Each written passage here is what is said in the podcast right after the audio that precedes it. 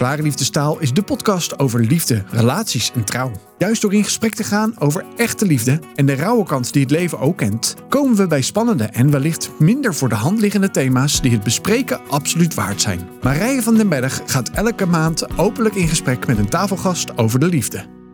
Vandaag zit ik aan tafel met Maureen Altorf. Ze is jongerenwerker, maar merkt daarin ook dat ze heel vaak een adviserende, al dan niet coachende rol heeft voor ouders en jongeren. Uh, om gewoon eens met elkaar over het leven te delen en de principes die God daarin geeft. Maureen is van mij een vrouw die ik al jaren ken. Uh, als jonge vrouw kwam ik haar tegen op mijn werk. En uh, heeft ze mij ook ontzettend gementord door heel veel levensthema's heen. En heb ik heel veel wijsheid van haar mogen ontvangen. Dus ik vind het echt een voorrecht om vandaag met Maureen hier te zitten en haar te bevragen op zoveel levensthema's. Fijn dat je er bent, Maureen. Ja, dankjewel voor de uitnodiging. Ja, ik vind jou echt, mensen kennen jou wellicht niet, sommige mensen misschien wel. Voor mij ben je echt een Deborah die onder, zo'n, onder de boom van Deborah zit, jij onder de boom van Maureen. Met zoveel wijsheid waar je ook zo rijkelijk over kunt delen. Dankjewel. Ja, echt. Ik kijk uit naar, uh, naar het gesprek wat we samen gaan hebben. Ja. Het thema wat we uitgekozen hebben, nou, ik kan met jou over heel veel dingen praten, is uh, eigenlijk de vraag: is samenwonen nu het nieuwe huwelijk? Is samenwonen nu het nieuwe huwelijk? En dat zeg je waarschijnlijk omdat heel veel jonge mensen ervoor kiezen om samen te wonen. Mm. Of omdat er heel veel vragen zijn over of samenwonen nu wel of niet goed is. Ja. Samenwonen is niet het huwelijk.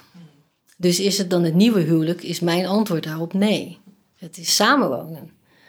Wat maakt nu dat samenwonen zo anders is dan, dan het huwelijk?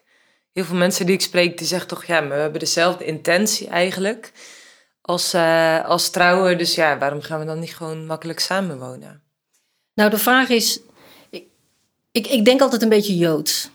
Je kan je de vraag stellen van, waarom zouden we trouwen?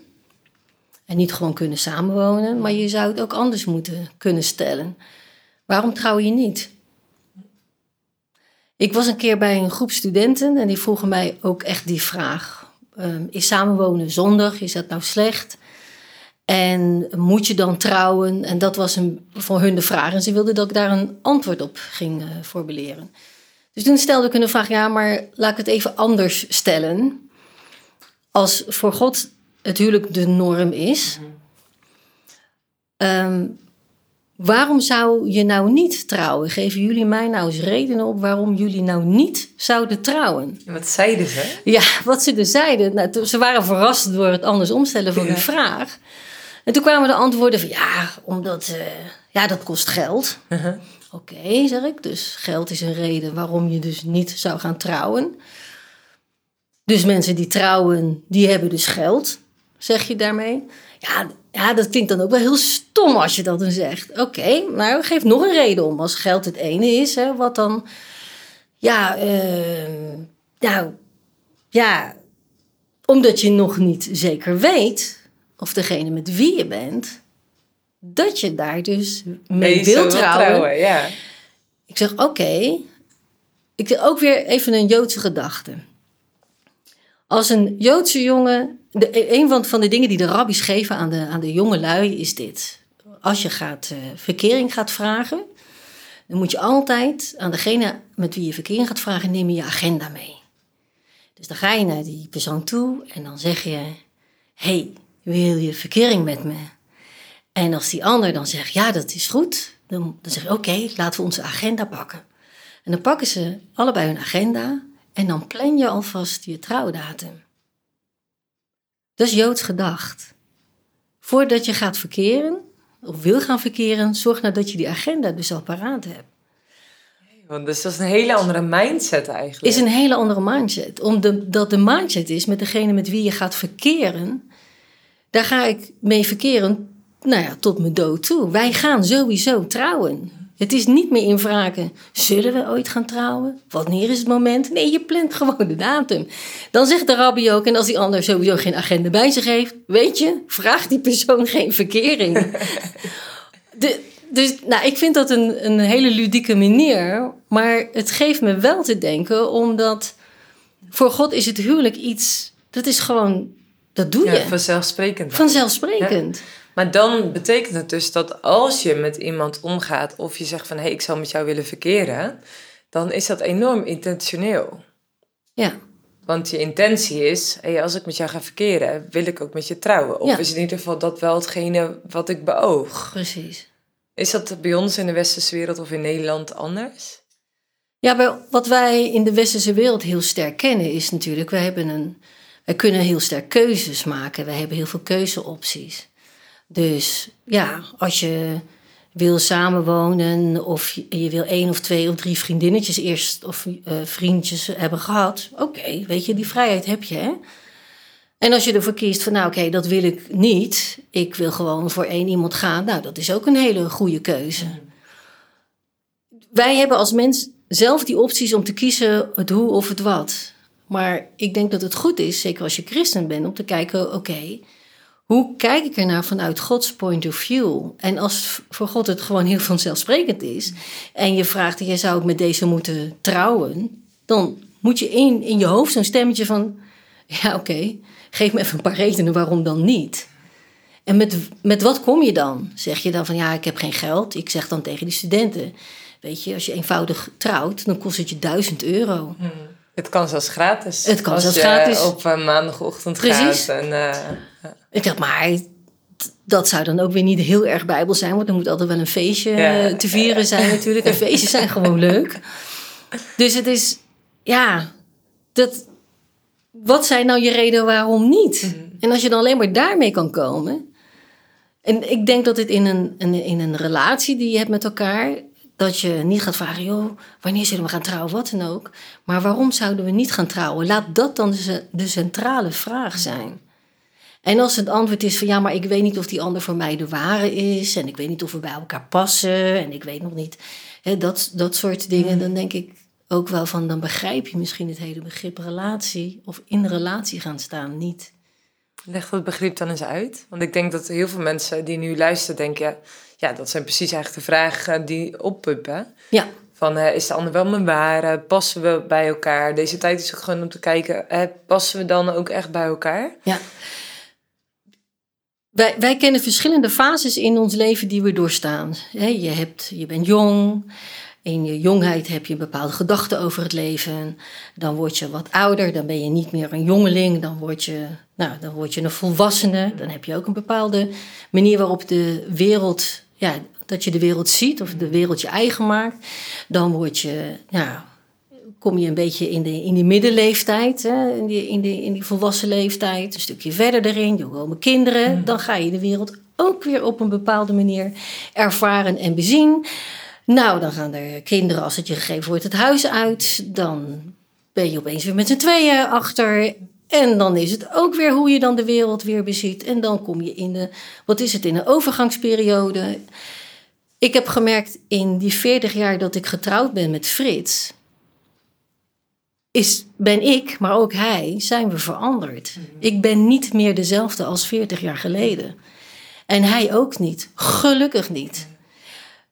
Op andere dingen na, als het lichamelijke dingetje is, dan zou ik er best wel nog uit willen zien als 40 jaar geleden. En hij ook.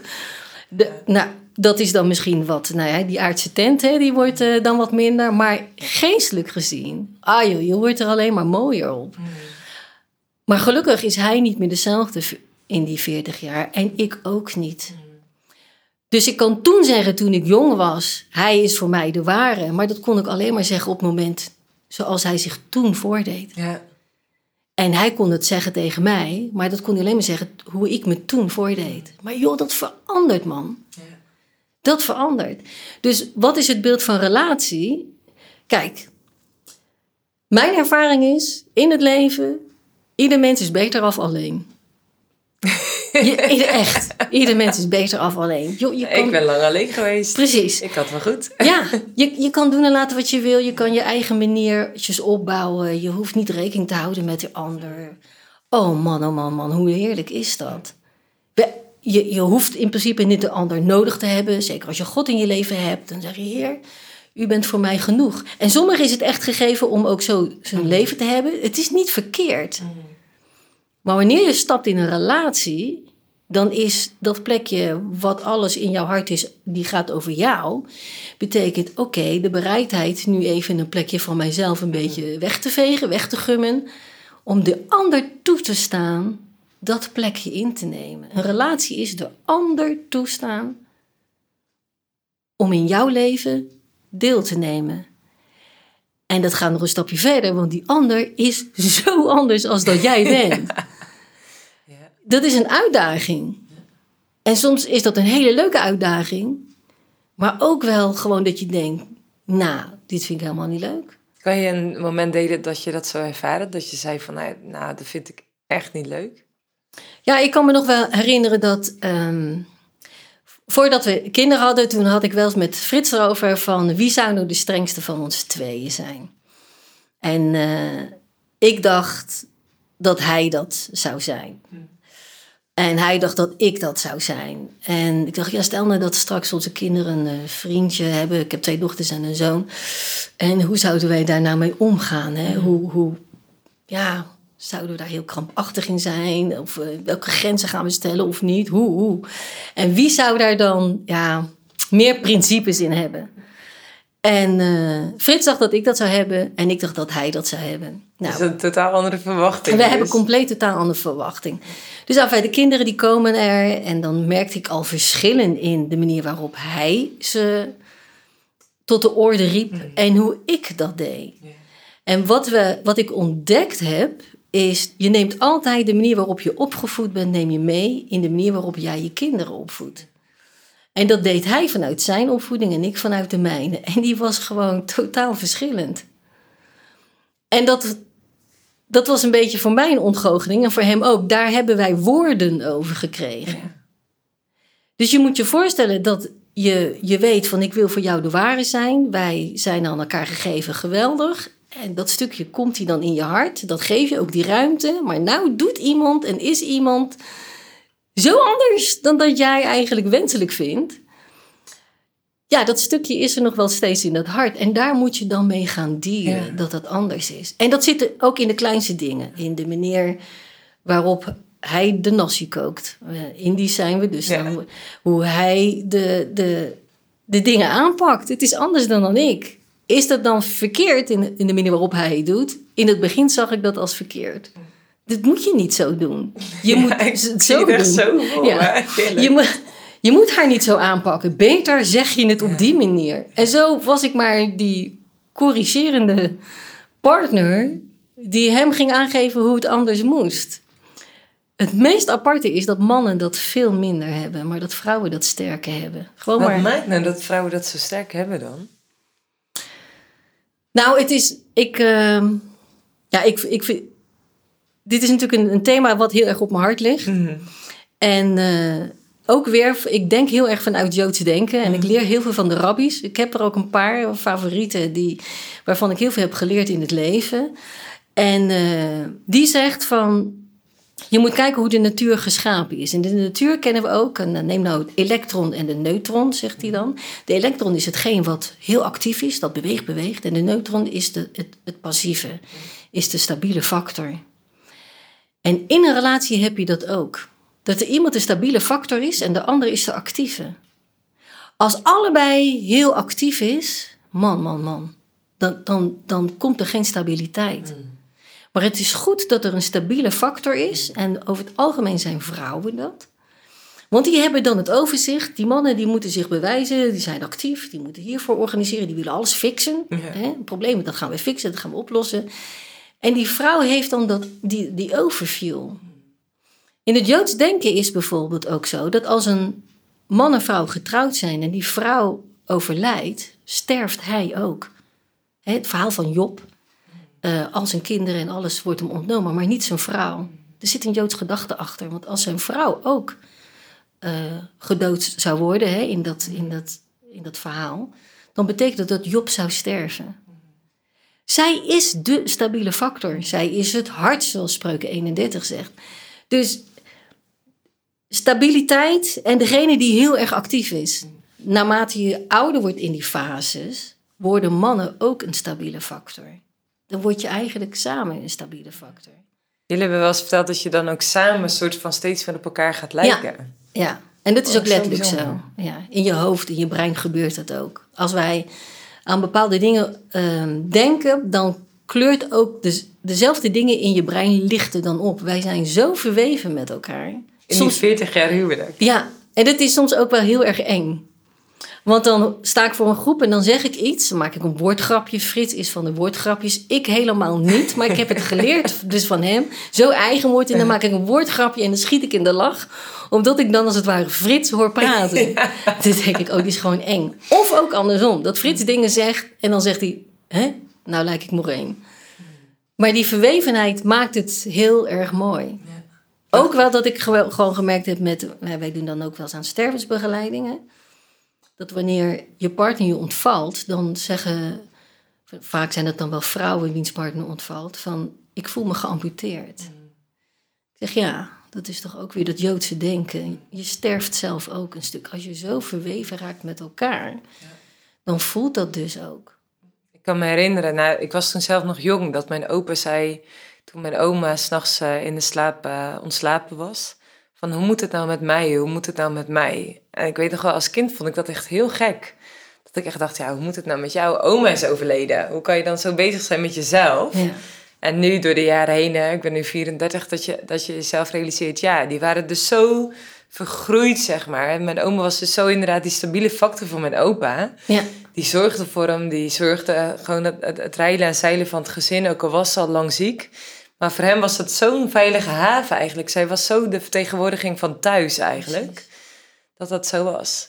Ja. En we kwamen hier omdat we het hadden over, eh, dan heb je misschien een verkeerde visie, verkeerd zicht van de relatie, van wat de relatie eigenlijk inhoudt. En jij zegt dus van, hè, relatie gaat niet zozeer over eh, hoe kun jij voor mij de ware zijn, hoe kun jij, jij mij iets geven, uh, maar veel meer ook van hey, hoe kun je dus in je eigen hart plek maken voor die ander, waarin je dus een stukje van jezelf opzij zet. Ja. Als ik kijk naar deze maatschappij, dan denk ik van ja, maar hoe mensen in relatie staan, wat ons geleerd wordt tussen haakjes, vanuit de media, gewoon de, hoe onze cultuurgeest is, is het veel meer de vraag van hé, hey, maar wat zit erin voor mij? Hoe maak jij mij gelukkig? Ja, en, en dat zegt eigenlijk al iets. Hoe maak jij mij gelukkig? Wij denken, als de ander zich aanpast aan mijn leven, word ik gelukkig. En dat is dus niet zo. Maar die vraag geeft wel een, een kern weer die zo belangrijk is voor ons als mens. Wij willen gelukkig zijn. Wij willen een soort harmonie in onszelf voelen. En zo heeft God het ook bedoeld. En dat zien we al hè, bij Genesis in. Ene, we zien al hoe de, de, de man en de vrouw geschapen heeft. Dat ze dus weer verenigd moeten worden. Want in die vereniging vind je jezelf. En dat is logisch. Wij willen onszelf vinden. En God zegt, ja, dat doe je ook. Nou, als je nou samen gaat, nou dan vind je jezelf. Terwijl dus samen zijn lastiger kan zijn dan alleen blijven. Precies. Precies. Hoe zit dat dan? Dat, dat, dat voelt als een geheimenis, als iets wat je niet kunt grijpen omdat je het niet uh, kan begrijpen met je hoofd. Nee, het valt alleen te pakken als je in een relatie staat. Als, als je de, de harmonie voelt van het samen één zijn. Maar dan moet dat wel je intentie zijn. Ik zeg altijd in een relatie kies je elke dag opnieuw voor elkaar. Elke dag. Het is steeds weer een keuze om te kiezen voor die ander. En soms is het een keuze die je moet maken om voorbij iemand zijn narigheid, zijn, zijn karaktertrekje die je niet zo leuk vindt, om die ook, ja, daar maak je ook een keuze voor. Ja, Jan stelt altijd zo mooi van. Uh, je, hebt, je hebt een persoon, maar je hebt ook gedrag. En zo vaak worden we afgeleid door het gedrag in plaats van dat we de persoon zien. Ja. ja. Maar, maar ja, ik spreek zoveel uh, uh, eigenlijk jonge koppels of jonge vrouwen daarin, of jonge mannen die daarin delen van hey, we zijn elkaar gewoon kwijtgeraakt. Ja. Heeft dat er ook mee te maken dat je dus dan eigenlijk vergeet door alle drukte van de dag om elke dag dus bewust te kiezen voor die ander? Ja, ja.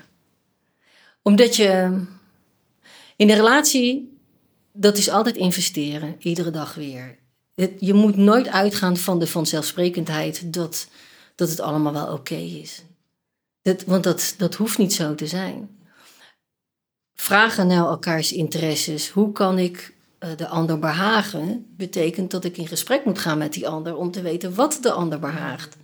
En dat is wederzijds. Ik had een oom en die zei altijd in een relatie, als dan iemand ging trouwen en dan zat je daar als jong meisje bij, in een relatie geef je 100% en je verwacht nul terug.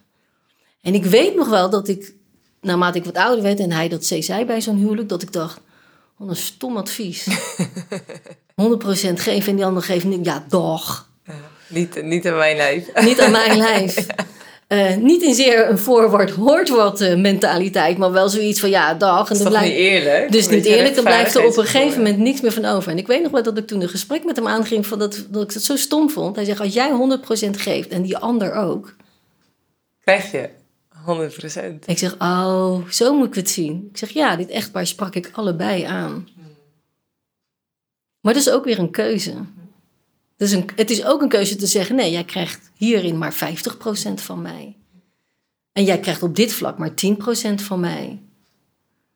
Dan krijg je, zegt hij, een onevenredigheid. En daar komen veel ruzies uit voort.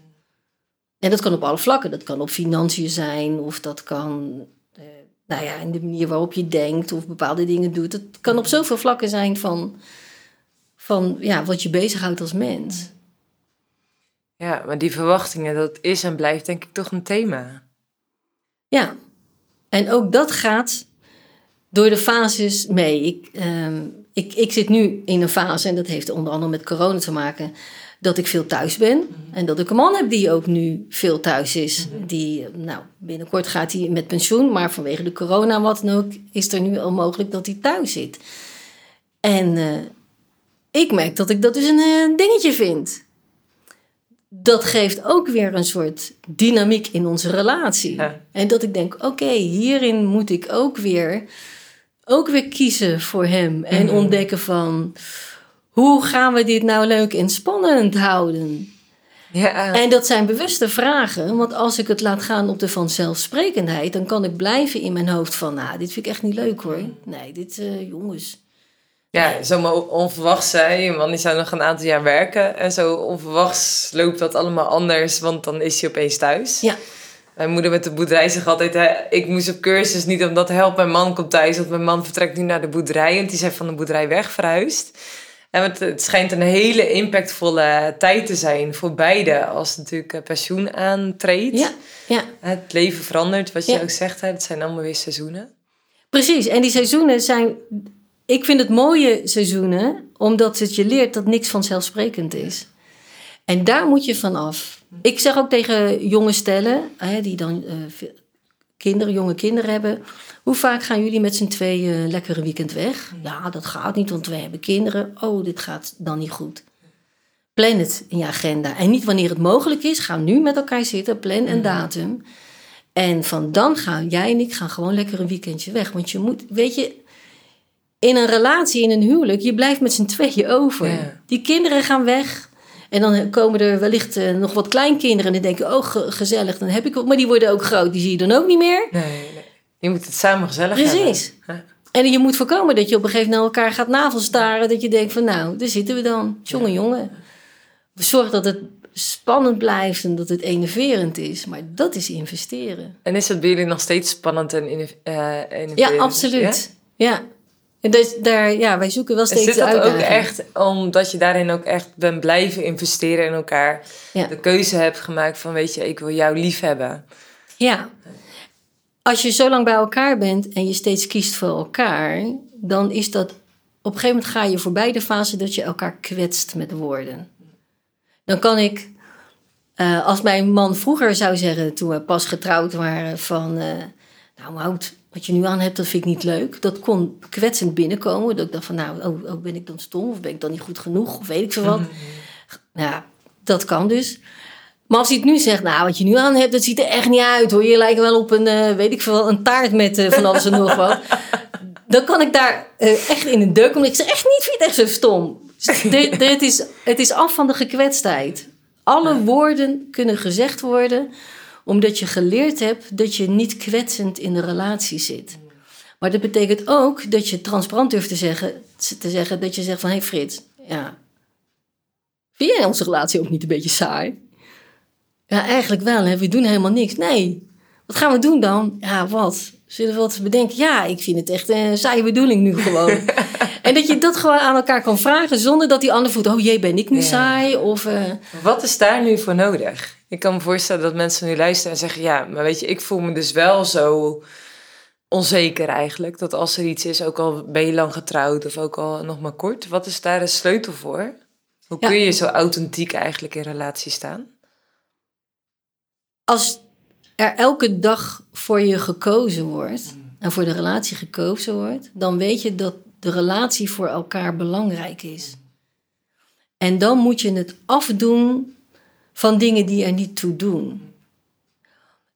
Ik weet dat ik in het begin nog wel vroeg aan Frits... ehm, ja, dat is typisch vragen. Hou je van me? En dan vond hij zo'n stomme vraag. En dan Ja. zegt hij... Ik hou gewoon van je totdat ik het niet meer zeg. En als ik niet van je hield, was ik niet met je getrouwd.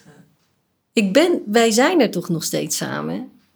En zeg ik, ja, maar ik heb het idee dat je niet van me houdt. En dan zei hij, hoe dan? Moet ik dan wat doen? En dan ging ik daarover nadenken en dan zeg ik, ja, misschien wel. Ja, wat moet ik dan doen? En dat wist ik dan dus niet. Maar dat had meer te maken met wie ik zelf ben dan dat wie hij is. En nou goed, we gingen daarover nadenken. Ik ga erover nadenken. Van doe ik nou zo stom? Ben ik nou zo raar bezig? En ik had dan wel goede mentoren, want ik had mijn oma. En dan zei ik, ja oma, ik weet niet of ik het nog wel leuk vind met Frits. En dan zei mijn oma, dan moet je het leuk maken. Zo, dat is een goede schop onder je kont. Oké. En dan zei ik, hoe dan? Gewoon zorg dat er humor en plezier is in jullie relatie. Wat brengt jullie nou samen vreugde? Als er een sleutel is, dan is het vreugde.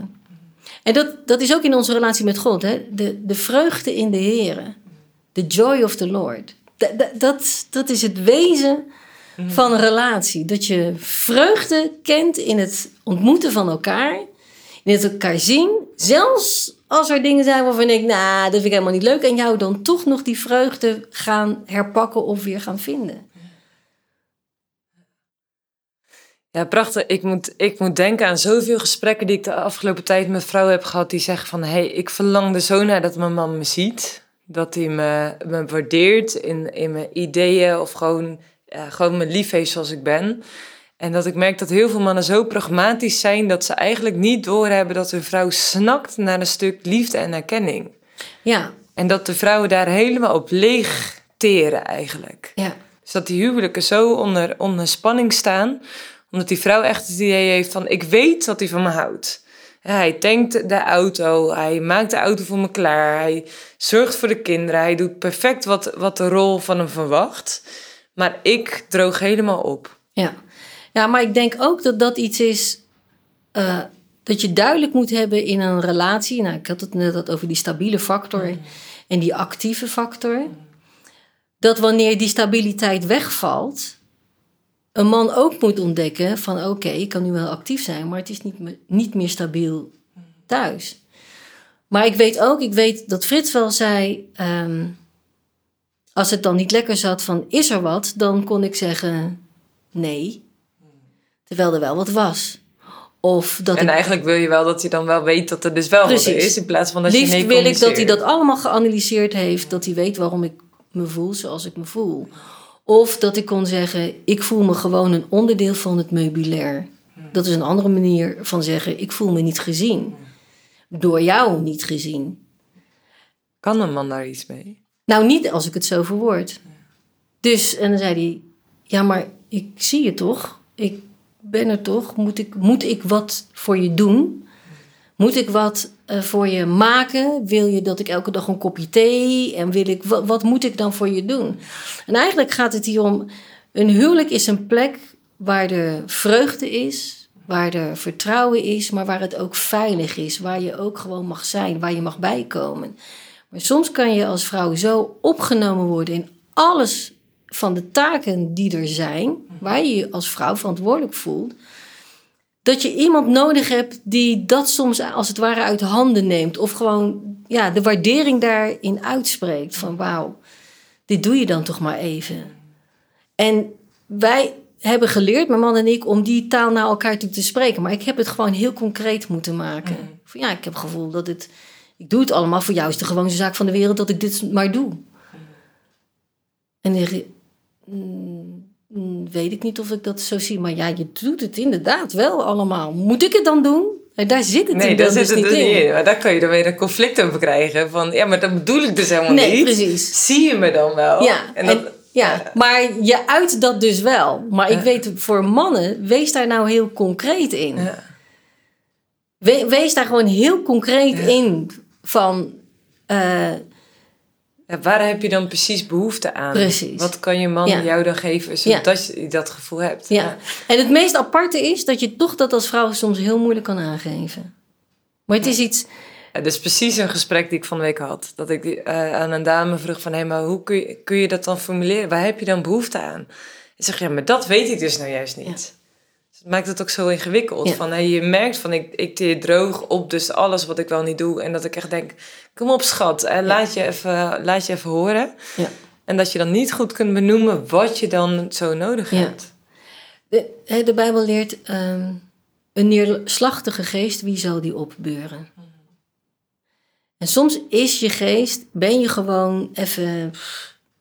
En daar hebben vrouwen vaker last van dan mannen. En dat heeft ook te maken, wij kennen veel meer hormoonschommelingen in ons lijf dan mannen hebben. En die doen gewoon iets met je. Ja. En ook al snap je het zelf helemaal niet waar het Precies. vandaan komt. En naarmate je ouder wordt of je komt in de overgang, nou, nou, nou, dan heb je zo'n raar feestje met jezelf. En, en dan zit je gewoon even gewoon niet goed in je vel. En wat we de neiging hebben is om dat te leggen bij die ander. Los jij dit nou eens even op? Ik voel me zo, ik wil dat jij het oplost. Maar soms is het gewoon ja, dat hormonale vervelende. En een neerslachtige geest, wie beurt die op? Dat, beur, dat is een mooi woord. Wie vrolijkt je op? Als er iets is wat je dan nodig hebt, wanneer dat emotankje leeg is, is echt plezier en fun. Ja. En dat dus heb ik. tip van je oma was eigenlijk Ja, genieus. precies. Ja. En dan zeg, ik, dan zeg ik van, eh, nou, dan ben ik gewoon sip. En eh, dan wil die van alles doen. En een kopje thee of wat dan ook. Ja, dat is wel lief en aardig, zie ik wel. Maar ik, ik blij, je blijft hangen in die... Totdat hij dus iets geks doet. en dan, dat is, dat is dan een instant iets. En dat is ook, let, dat is ook neurologisch, hè. Wanneer je iemand brengt tot een vreugde, dan gaat dat vreugdecentrum in je brein open. Dat lost ook echt rare stofjes die een beetje, die een beetje down op. Er komt als het ware schijnt er een soort licht in dat breintje. Laat ze lachen. Depressieve mensen, hè, als je in de geriatrie werkt, laat ze lachen en je ziet verandering. En ik, dat zie ik vaak. Ik zie wel eens als ik dan uit eten ben met Frits en dan zitten we aan een tafeltje. Dan kunnen wij ja, vrij snel over dingen lachen. Vooral als we naar mensen kijken. We houden van mensen kijken. Heel veel mensen zijn ook gewoon grappig Precies. En dan zitten er soms de mensen gewoon zo sip tegenover elkaar. Maar dan zijn ze wel ja, gezellig tussen komma's, denk ik dan, aan- uit aan het eten. Maar ze zitten als twee zombies stilzwijgend tegenover elkaar. En dan denk ik in mijn hart, denk ik, ach, die lieve man die heeft zijn vrouw uitgenomen eh, het eten om te laten zien dat hij, nou, dat hij, leuk vindt. Dat hij het leuk vindt. Maar ze zitten als twee grijze, grauwe dodo's tegenover elkaar. En als de ober komt, dan, dan veren ze op en dan doen ze heel vriendelijk naar die ober, omdat hij vriendelijk terug doet. En dan vervolgens eten ze een bordje leeg. En dan zitten ze dan.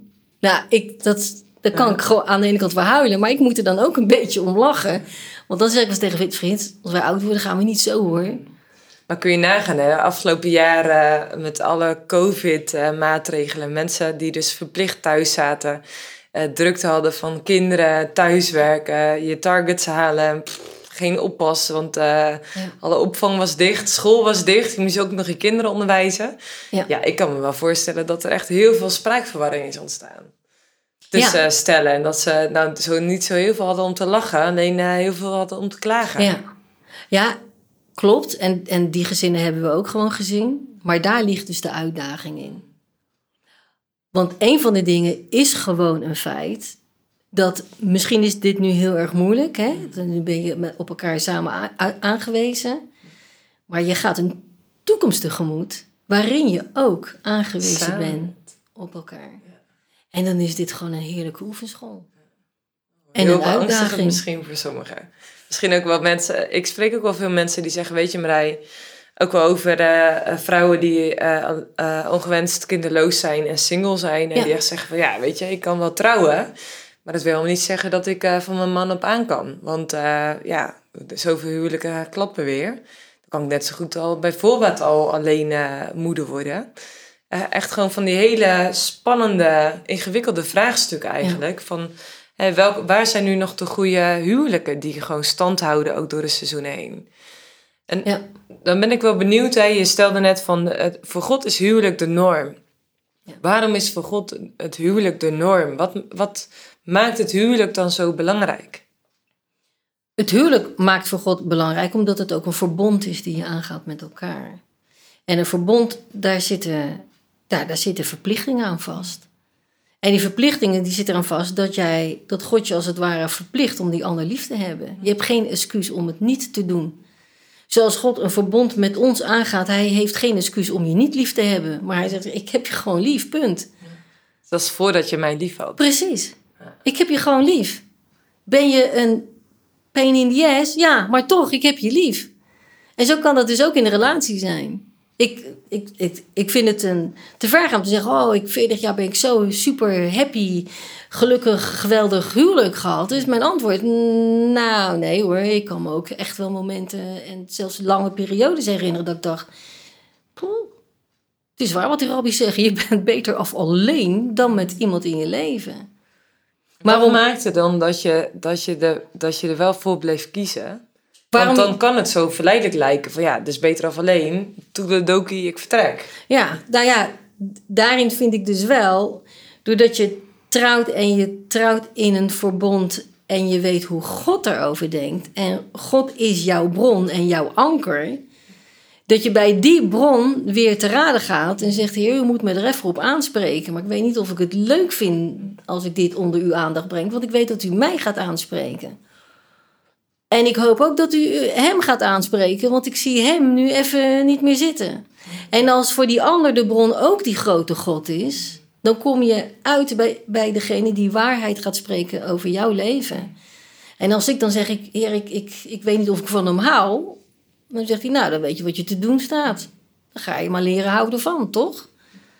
Dus, ook ten koste van jezelf.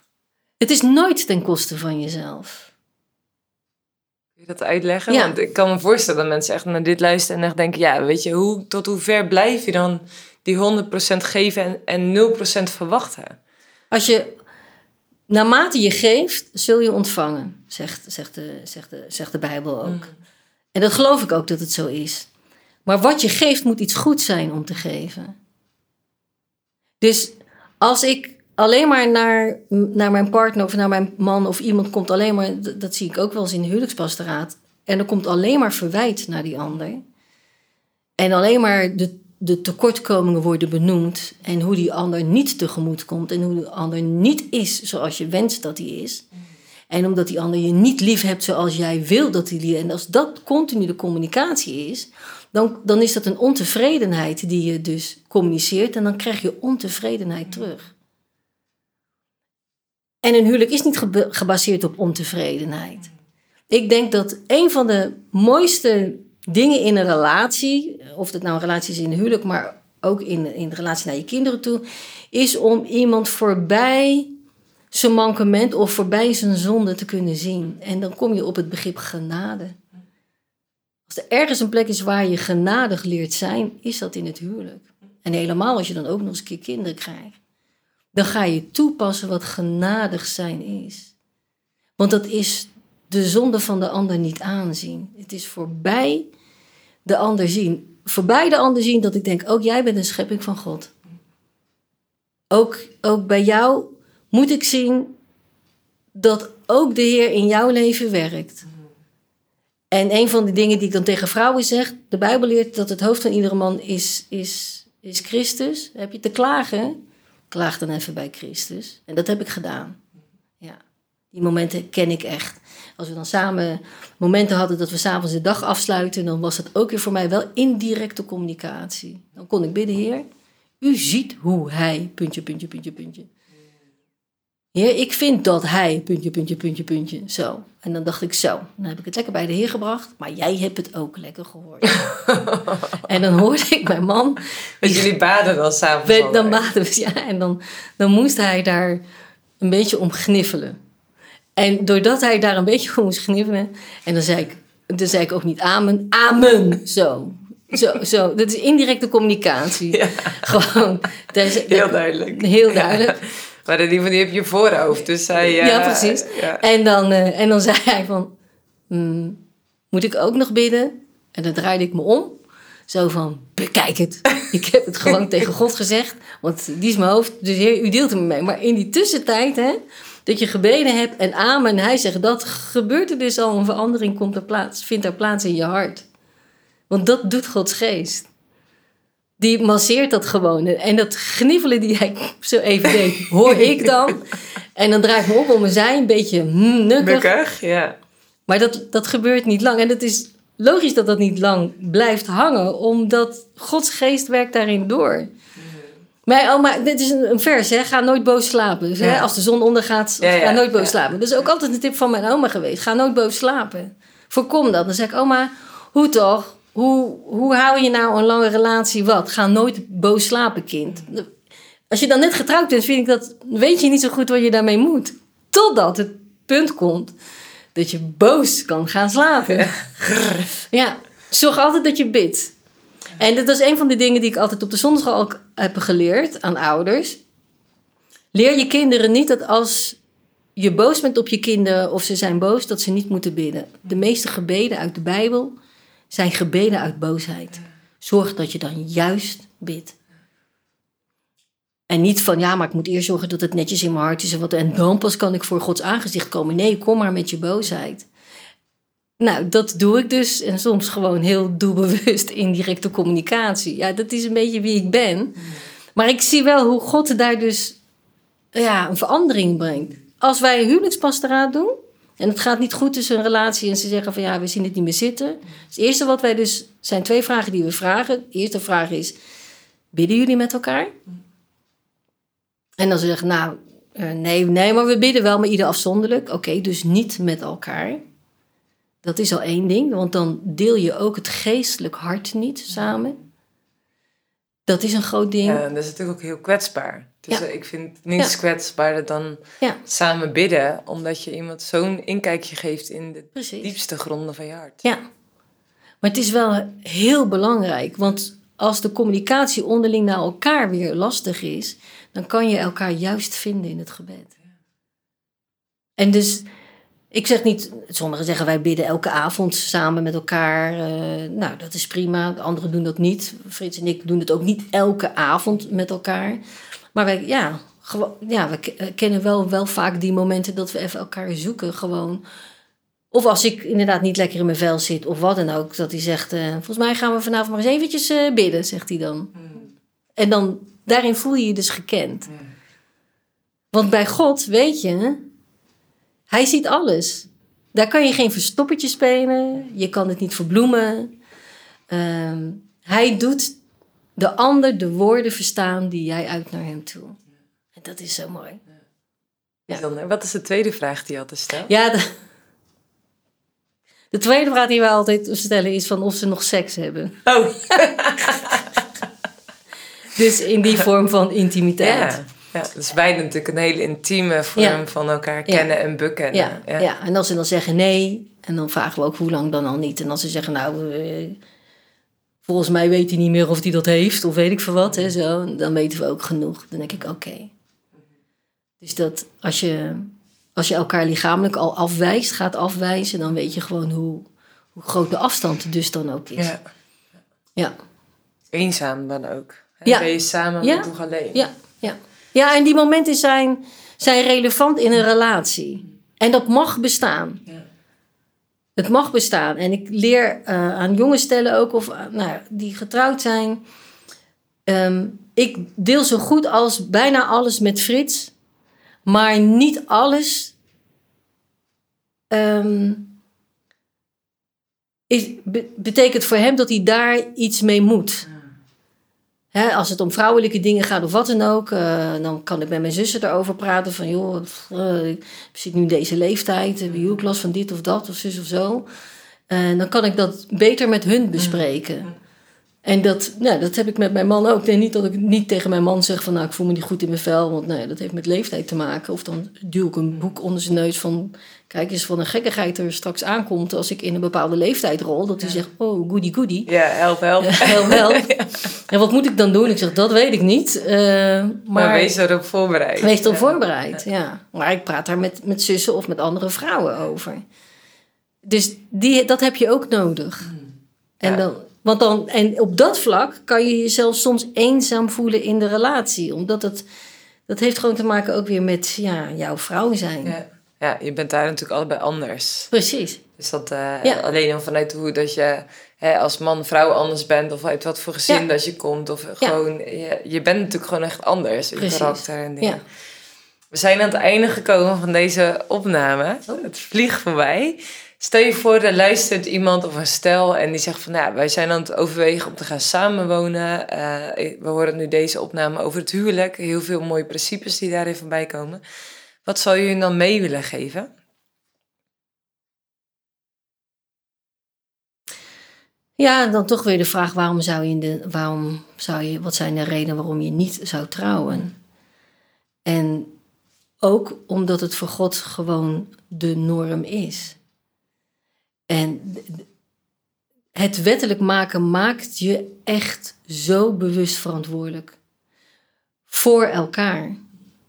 En maakt je ook verantwoordelijk voor jouw eigen daden en van jouw eigen deel binnen, binnen die relatie. Vanuit het elke keer weer kiezen voor de ander. Precies. Weet je, een, een huwelijk sluiten wij hier, en dat is toen ook, hè, met getuigen. En de bedoeling is dat al die getuigen die erbij zijn bij dat huwelijk, en leuk om daar te zitten en dat te luisteren, of zo'n kerkdienst mee te maken waar een huwelijk wordt ingezegend, maar dat heeft ook een verantwoordelijkheid voor iedereen die daar zit. Dat als men merkt, het gaat niet goed in de relatie, dat iedereen die daarbij was, getuige is van het huwelijk, ook zijn steentje bijdraagt dat die relatie, dat dat huwelijk gaat lukken. Dat in, in bepaalde culturen is dat nog gewoon om te doen, maar in onze cultuur totaal niet. Totaal niet. En eigenlijk zou je dus dan moeten, hé, hey, jij was toch bij dat huwelijk? Ja, wat heb, doe jij er nu aan om te zorgen dat het huwelijk slaat? Want we hebben gezien dat er issues zijn. Wat wordt jouw onderdeel? Nou, of iemand zegt, joh, het gaat niet goed in de relatie. Nee, hè? nee, nee. Was jij bij een huwelijk? Ja, jij ook. Wat gaan wij samen er nou aan doen? En dan bouw je sterke huwelijken op. Dan, dan laat je elkaar niet aangewezen zijn, alleen maar jij en ik. Maar dan zijn die getuigen eromheen, die dragen dan zo'n relatie. En we zouden dat meer moeten doen. En ik denk, zorg dat je mensen om je heen hebt die zeggen: wil, ik, wil jij me verantwoordelijk houden? Ik, ik nodig je uit, je bent erbij. En, en ja, dat als, het, als je geluid hoort, wil je dan aan mijn jasje trekken van hé, hey, wat hoor ik? Ja. En wat kan ik hier dan van betekenis zo belangrijk, ja. Precies. Ja.